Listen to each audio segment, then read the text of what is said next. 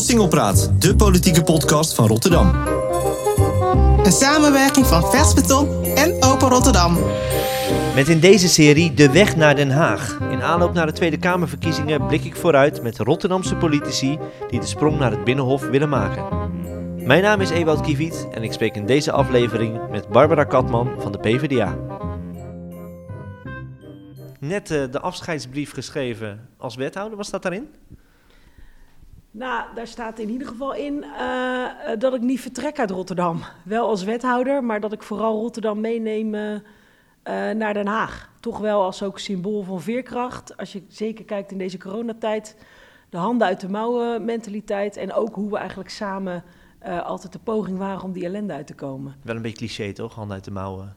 Nee, maar het is wel poetsen. waar. Waarom is dat waar? Tuurlijk, alle clichés zijn waar. Daarom heet het ook clichés. Ja? Denk maar eens even goed over na. Noem maar één die niet waar is. Nou, ik vind het altijd, dat Rotterdam zich wel heel erg beroepen op... wij zijn uh, niet lullen, maar poetsen. Is dat nou echt zo? Nou, ik, uh, als voorbeeld ook uh, heb ik in mijn, in mijn ontslagbrief aan de raad... want dat is dan wat je als wethouder doet... ook begonnen met een schets van ehm, de ochtend na de avondklokrel op de Beierlandslaan. En wat je daar ziet, denk ik, zie je niet overal in Nederland. Dat is toch het beeld, ja, er is verdriet. Er zijn ook mensen die inderdaad zeggen, ik heb de hele avond gejankt om wat er daar gebeurd is. En vooral wat er met mijn zaak is gebeurd. Ik ben wanhopig en ik denk soms ook van, wie doet dit nou? Maar eigenlijk zag je daar mensen die gelijk beginnen met puinruimen. Ook in saamhorigheid, niet alleen aan zichzelf denken, maar ook nog aan de buurman. Uh, je ziet daar ook het samenspel. De, de, de, de, de stadsmarinier opent een kantoortje. De rest van de organisatie en ambtenaren die schuiven aan. Ondernemers, bewoners. Uh, en eigenlijk uh, was de puin voor, voordat de zon opging, was opgeruimd. Ja, dat is Rotterdam, maar Rotterdam is ook die jochies die dit doen. Ja, Rotterdam is ook rauw. en ook deze keer hele, hele jonge jochies nog um, die het doen. En dat weten we ook, weet je. Er zit een kwetsbaarheid. En, um, uh, en, en, en, maar volgens mij werken we daar ook hard aan. We noemen dat volgens mij al een tijdje die stad van twee snelheden. Aan de ene kant die, die, die bruisende stad, de wereldhaven die op de kaart staat. En aan de andere kant moeten we er met z'n allen heel veel aan doen dat iedereen meekomt en mee kan. En ook kansen blijft zien uh, en hoop blijft putten uit het toekomstbeeld van de stad. Ja, nu ben je wethouder uh, economie uh, wijken en kleine kernen. Uh, dan ga je dus over die ondernemers. Uh, die zitten in een coronacrisis. Die hebben nu te maken met rellen. En dan ga je weg. Ja, nou ja, ik ga niet weg uit Rotterdam, want ik blijf hier wonen. Dus ik zie het wel altijd zo. Ik neem zeker gewoon Rotterdam mee naar Den Haag. maar je vertrekt wel als wethouder. Ehm, terwijl je inderdaad aan de lat staat voor dat crisis- en herstelprogramma. Uh, en uh, we ook bezig zijn om eigenlijk dat meedoen en meebeslissen voor Rotterdammers te, te, verbeteren. Want je ziet ook dat corona heeft laten zien dat daar nog meer behoefte aan is. Uh, dus je bedenkt ook niet zomaar zonder slag of stoot, oh ja, ik ga. Maar toch, um, dat staat ook in mijn brief. Ik weet niet, ik denk dat de meeste mensen er wel hebben gezien. Die dame van, van 22, de inauguratiedichter van Biden die dan afsloot met, uh, ja, er is eigenlijk altijd licht, maar je moet wel dapper genoeg zijn om het te zien en ook dapper genoeg zijn om het te zijn. En ik denk dat voor corona hadden we ook al heel veel uitdagingen. Als je kijkt naar de klimaatcrisis, als je kijkt naar de kloof tussen arm en rijk die toeneemt, uh, als je kijkt naar uh, uh, de systeemwereld en de echte wereld die niet altijd aansluiten, dus vooral weer die politiek dichter bij die mensen brengen hele grote uitdagingen. En dan vraagt het dus ook om, ja, dan is juist de tijd om je nek uit te steken en om uh, het verschil te willen maken. En ik zie wel dat het tackelen van die grote uitdagingen, dat begint in Den Haag. En daarom heb ik die stap toch gezet. Want eigenlijk kon je niet genoeg bereiken in Rotterdam. Maar waar liep je tegenaan dan? Nou, je loopt natuurlijk als wethouder zeker aan tegen heel veel dingen die in Den Haag uh, geregeld moeten worden. Ja, zoals? Uh, uh, nou, denk maar aan uh, de hulppakketten nu voor ondernemers. Dat moet echt vanuit het Rijk komen, omdat de zakken van lokale overheden gewoon niet genoeg zijn.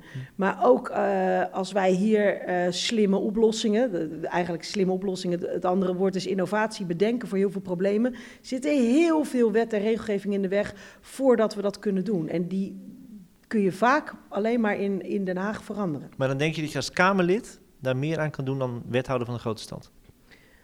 Uh, ja, voor die, in, die, in, die grote, in die grote veranderingen wel. Ja, dat, hm. dat weet ik eigenlijk wel zeker. En ik weet ook dat mensen daar sceptisch over zijn. Maar dat was ook toen ik als ondernemer in de gemeenteraad stapte. Ja. Toen zeiden mensen echt, even Barbara Katman, ik ken je nu al twintig jaar, even serieus. Tegen welke muren wil jij oplopen in die gemeenteraad? Dus iedereen zei, ik zie je wel uh, over een halfjaartje, dan word je helemaal gek en dan uh, stap je eruit. En eigenlijk wat zag ik in een halfjaartje? Dat je daar veel meer kan veranderen uh, met elkaar uh, dan dat je van tevoren denkt. En ik mis het ook dat we dat aan, aan mensen vertellen. Hmm. Uh, en hetzelfde eigenlijk ook als wethouder. Het is niet zo dat je niks kan doen. Hè? Mind you, je kan heel veel betekenen voor een stad. En het is ook een prachtige baan. En ik zie het soms ook zo, om die baan nog mooier te maken... moeten we nog wat dingen in Den Haag veranderen. En dat hmm. wil ik ook doen. Maar, ehm, maar, ben je niet te snel uitgekeken? Je, je bent eerst uh, vier jaar raadslid geweest. Na, het is nu 2,5 jaar wethouder en dan weer hop. Oh nee hoor, uitgekeken nooit. Ik zou dit zo nog uh, uh, tien jaar maar toch ga je weg. En misschien kom je dan ook nog, nog wel eens terug. Maar um, wat ik zei, we leven echt in een uitdagende tijd die vraagt om oplossingen. En ook mensen die daar een bijdrage aan willen leveren en mensen die op willen staan... Uh, en, en mee willen denken om het beter te maken. En dat is, de, de, ja, dat is bij een overweging geweest. Ja, ja. Straks meer over dat wethouderschap. Nu eerst even, die, die, ik ben heel benieuwd hoe dat nou gegaan is. Uh, je bent hier nu net 2,5 jaar wethouder. Er komt een belletje uit Den Haag. wil je op de lijst op een hoge plek? Hoe, hoe gaat zoiets? Ja, was het maar zo. Hè? Het zou echt Heb je gewoon gesolliciteerd? Zijn. Ja, het zou wel echt lekker zijn als je gewoon zo'n belletje kon krijgen en dan zeggen, ja, dat lijkt me wel wat. Nee, maar is er niet zet mij maar op plek 7. Nee, uh, uh, de Partij van de Arbeid is de grootste ledenpartij van, uh, van Nederland. met een uberledendemocratie. In elk um, um, nou ja, radartje van, van besluitvorming van de PvdA uh, zijn onze leden de baas. Ja, nu de zetels nog.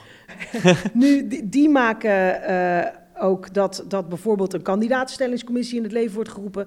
Die bepalen het proces, hoe dat gaat. En dan heb je gewoon mensen nodig met een ambitie die uit hun tenen komt. En dan doorloop je de hele procedure. Of je nou uh, wethouder in Rotterdam bent of iets anders. En waarom deed je dat dan? Waarom deed je dat dan? Um, nou, ik zeg wel eens... Um, mijn grootste drijfveer zijn eigenlijk mijn kinderen. Weet je, omdat je, door de, als je dingen bekijkt door de ogen van je eigen kinderen, dan stel je jezelf echt de vraag: in welk land wil je leven? Um, en dat doe ik eigenlijk al sinds dat zij geboren zijn. En uh, die coronacrisis heeft wel gemaakt dat de urgentie om dingen te veranderen nog groter zijn geworden. En dat we allemaal die vraag moeten stellen: in welk land willen we nou leven? In welk land willen we dat onze kinderen opgroeien? Die vraag is nog urgenter geworden. Uh, en dan, kom, dan weet je van die verkiezingen komen eraan. Dat is ook weer de kans voor een nieuwe regering, kans voor een nieuwe Tweede Kamer, waar de verandering begint. En voor mij voelde het heel erg dus deze zomer dat ik dacht, dat moment moet ik dan pakken als ik me die vraag stel om, uh, om, om aan die veranderingen bijdrage te leveren. Maar, maar, wat is dat dan? Dat je zegt van ik zie, kijk nu naar mijn kinderen, nu moet ik, naar, nu moet ik een brief gaan schrijven. Hoe, hoe werkt dat? Ja, de, de, ik, bijvoorbeeld uh, als het gaat over uh, het duurzaamheidsbeleid. daar moeten we grote veranderingen in, in doorvoeren. De kloof tussen arm en rijk. De, de kansen die er liggen op het gebied van werkgelegenheid, die we nu laten liggen gewoon een eerlijkere samenleving, prettiger met elkaar samenleven. Uh, dat kan op vele fronten beter en anders. Ja, dat is een beetje een speerpunt, hè? ja, ik, gelijke vooral, kansen. Ik denk dat mij dat uh, altijd, ja, ja, ik ja. denk dat mij dat altijd heeft gefascineerd, die gelijke kansen. Ik kom ook uit Rotterdam-West. Hm. Dus uit de wijk waar arm en rijk door elkaar woont. En je ziet toch dat, dat in de afgelopen jaren uh, het systeem waarin we leven het er niet beter op heeft gemaakt. Dat, uh, dat, dat het juist is dat arme mensen blijven lang arm en rijke mensen worden sneller rijk. En ik geloof niet in die samenlevingen. Nee. Iedereen moet een kans krijgen om mee te kunnen doen.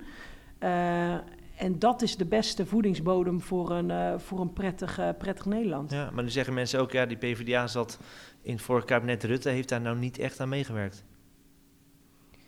Ja, maar ik ben sociaaldemocraat uh, in hart en nieren. Uh, en de, de PvdA is eigenlijk de enige sociaal-democratische partij die er is uh, in Nederland. En die sociaaldemocratie staat juist voor die, voor die waarde van dat eerlijk delen van mensen, middelen, macht En vanuit die kern werk ik. En ik heb dan eigenlijk ook niet heel veel boodschap aan eh, ehm, wat er allemaal is gebeurd of aan in die politieke arena. Ik ben wel iemand die gewoon altijd met zijn poot in de klei staat, bij die kernwaarden blijft en vandaar, vanuit daar iets wil veranderen. Ja, maar is, is de PvdA daar nog uniek in eigenlijk?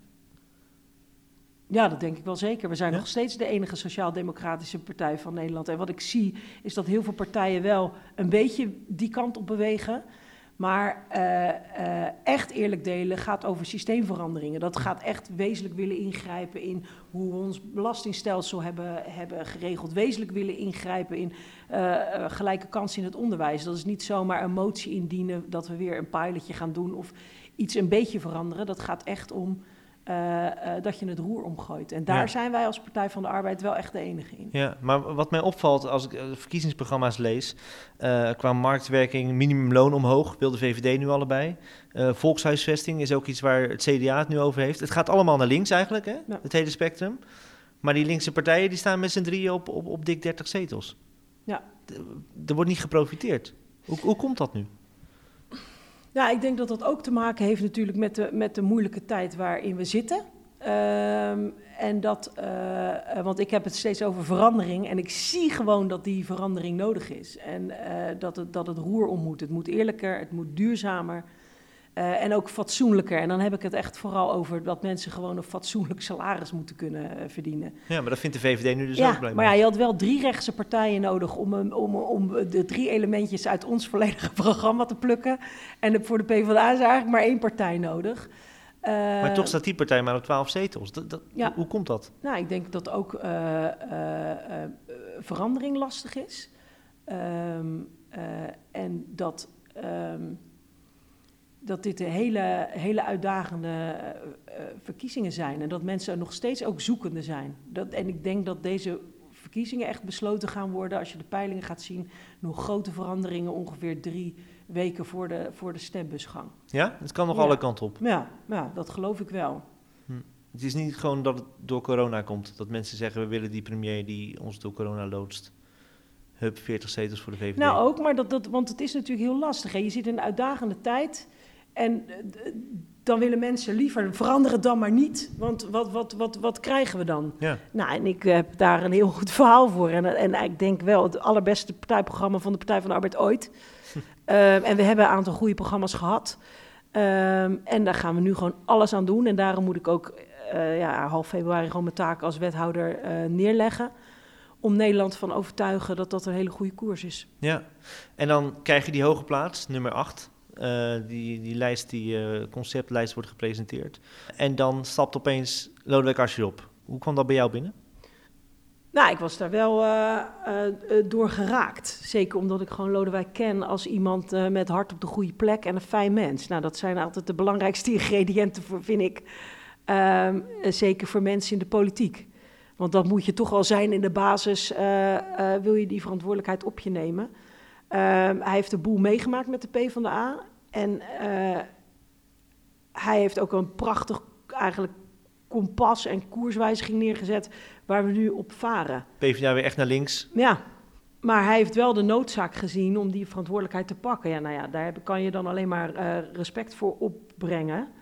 Maar we gaan wel verder op zijn, eh, op zijn kompas. Ja, maar zak je dan de, de moed in de schoenen? Dat je denkt van, hij was degene die Rutte misschien aankonde in het debat. Ehm, dat, dat Nee, nu moed in de schoenen echt totaal niet. Want we hebben nu een vrouw aan het roer. En dat eh, vind ik eigenlijk ook wel een hele mooie beweging.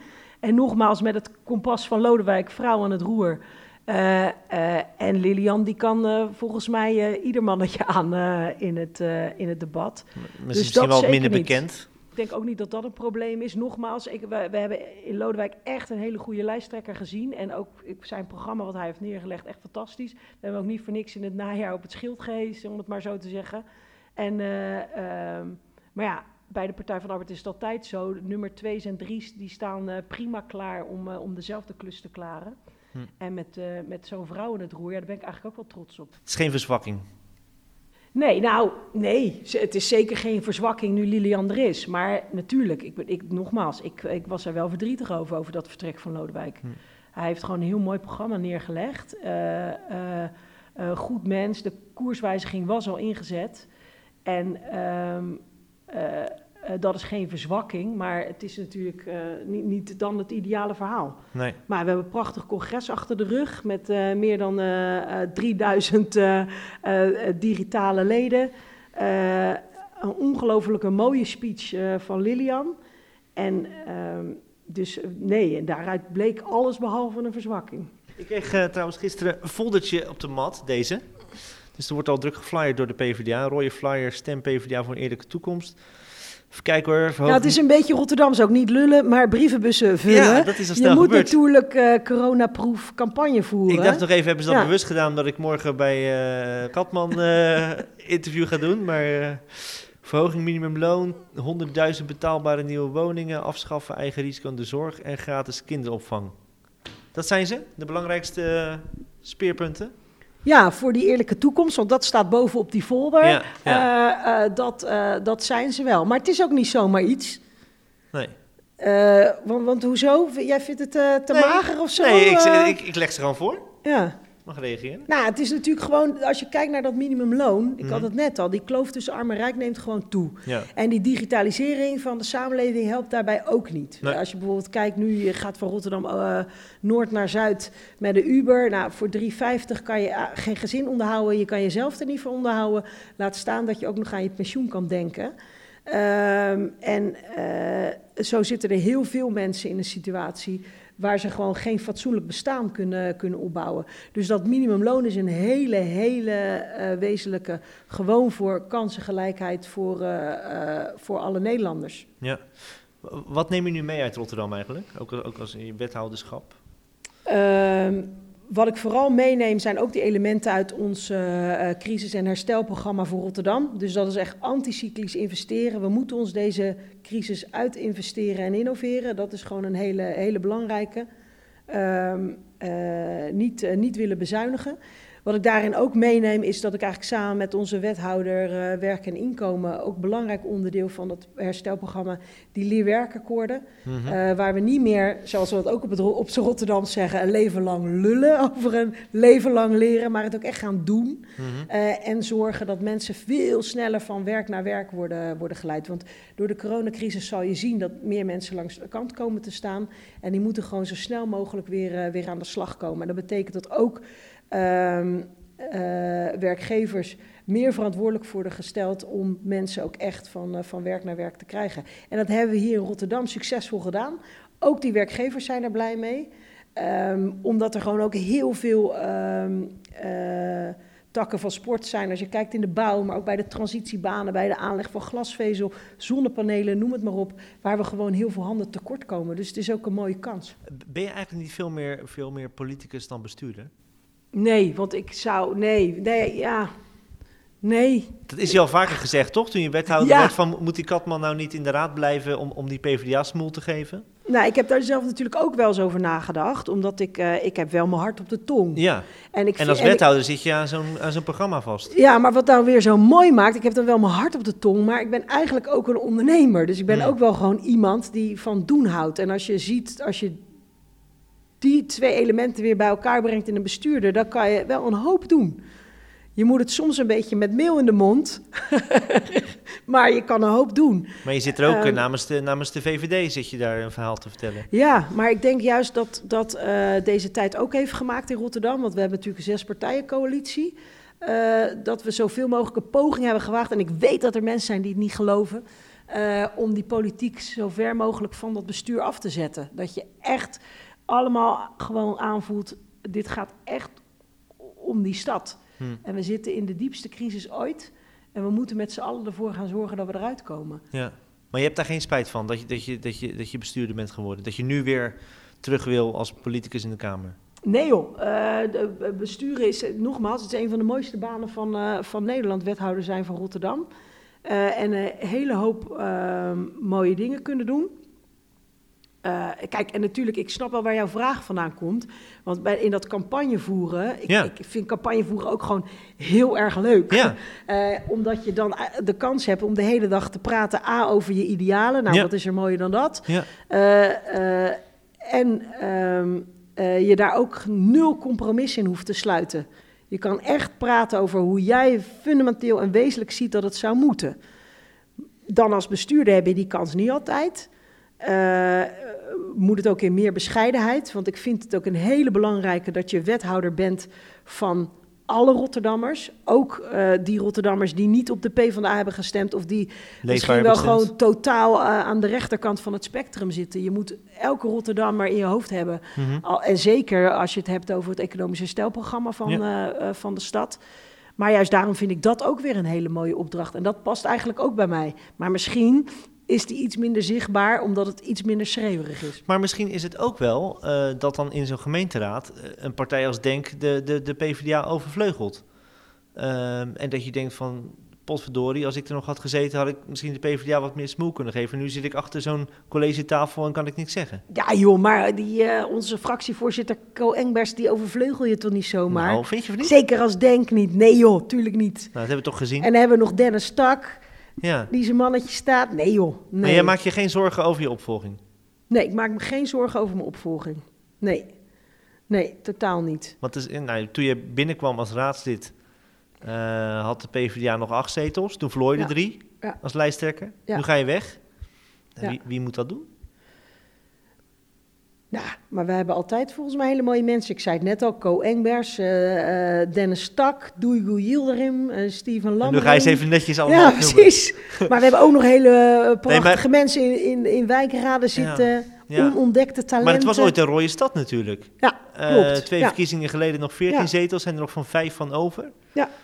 En nou ja, Nee, dat, dat, is, dat is waar. Maar ik bedoel, er zijn heel veel uh, ook onontdekte talenten en mensen. Ik bedoel, ik ben een sociaaldemocraat, ben al heel lang lid van de Partij van de Arbeid, maar was eigenlijk ook nooit actief. Hm. En uh, klopte ook gewoon een keer aan van, joh, ik wil eigenlijk best wel een keer wat doen.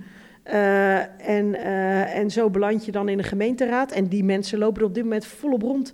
In de afgelopen weken zijn er honderden mensen ook lid geworden van de PvdA, die ook actief willen worden. Er zitten ongelooflijk veel jongeren bij. Dus uh, wat dat betreft maak ik me weinig zorgen. Maar uh, wat toch een beetje blijft hangen is inderdaad, we zitten midden in die, in die coronacrisis. Het is een herstelprogramma in Rotterdam, uh, wat jij leidt, om die ondernemers weer boven water te krijgen. En dan op dat moment vertrek je. Dat, dat moet ergens toch een klein beetje wrang voelen. Nou, dit, nogmaals, het dat besluit is ook niet over één dag ijs gegaan. Nee. En dat heb ik ook niet zomaar genomen. Hmm. Um, Hoe lang heeft dat geduurd? ik denk die wel twee maanden of zo. Twee maanden. En dan praat ja. je met Abu Talib? Uh, ook. En wat zegt hij dan? Uh, nou, die, uh, die, die is dan heel burgervaderlijk. Van, dat, je, dat, dat, dat, dat het ook om je eigen, ehm, je eigen motivatie gaat. en wat je voelt, wat je moet doen en welke klus je te klaren valt. En die zei ook wel, nou, weet je, het is met pijn in het hart. Maar ehm, ik zie wel, dat is dan wat hij zegt, dat, dat er ja, dat we dat in de Kamer ook wel gezegend mogen zijn met meer uh, het Rotterdamse geluid wat jij vertolkt. Dus die heeft gezegd, doe het maar. Ja, en dat, dat we ook nu in een college zitten wat dat kan dragen. En dat er bij de PvdA altijd een opvolger klaar staat uh, waar je op kan bouwen en vertrouwen. Dat, uh, dat bijvoorbeeld zo'n herstelprogramma van de stad, dat dat uh, wordt, wordt voortgezet. En dat gaat gewoon door ook als jij straks in Den Haag zit? Ja, dat gaat zeker door als ik straks in Den Haag zit, ja. Koolstingelpraat is een samenwerking van lokale omroep Open Rotterdam en online tijdschrift Vers Beton. Ben je fan van deze podcast over de Rotterdamse politiek? En wil je dat we dit kunnen blijven maken? Word dan supporter van Vers Beton, volg Open Rotterdam of deel deze podcast.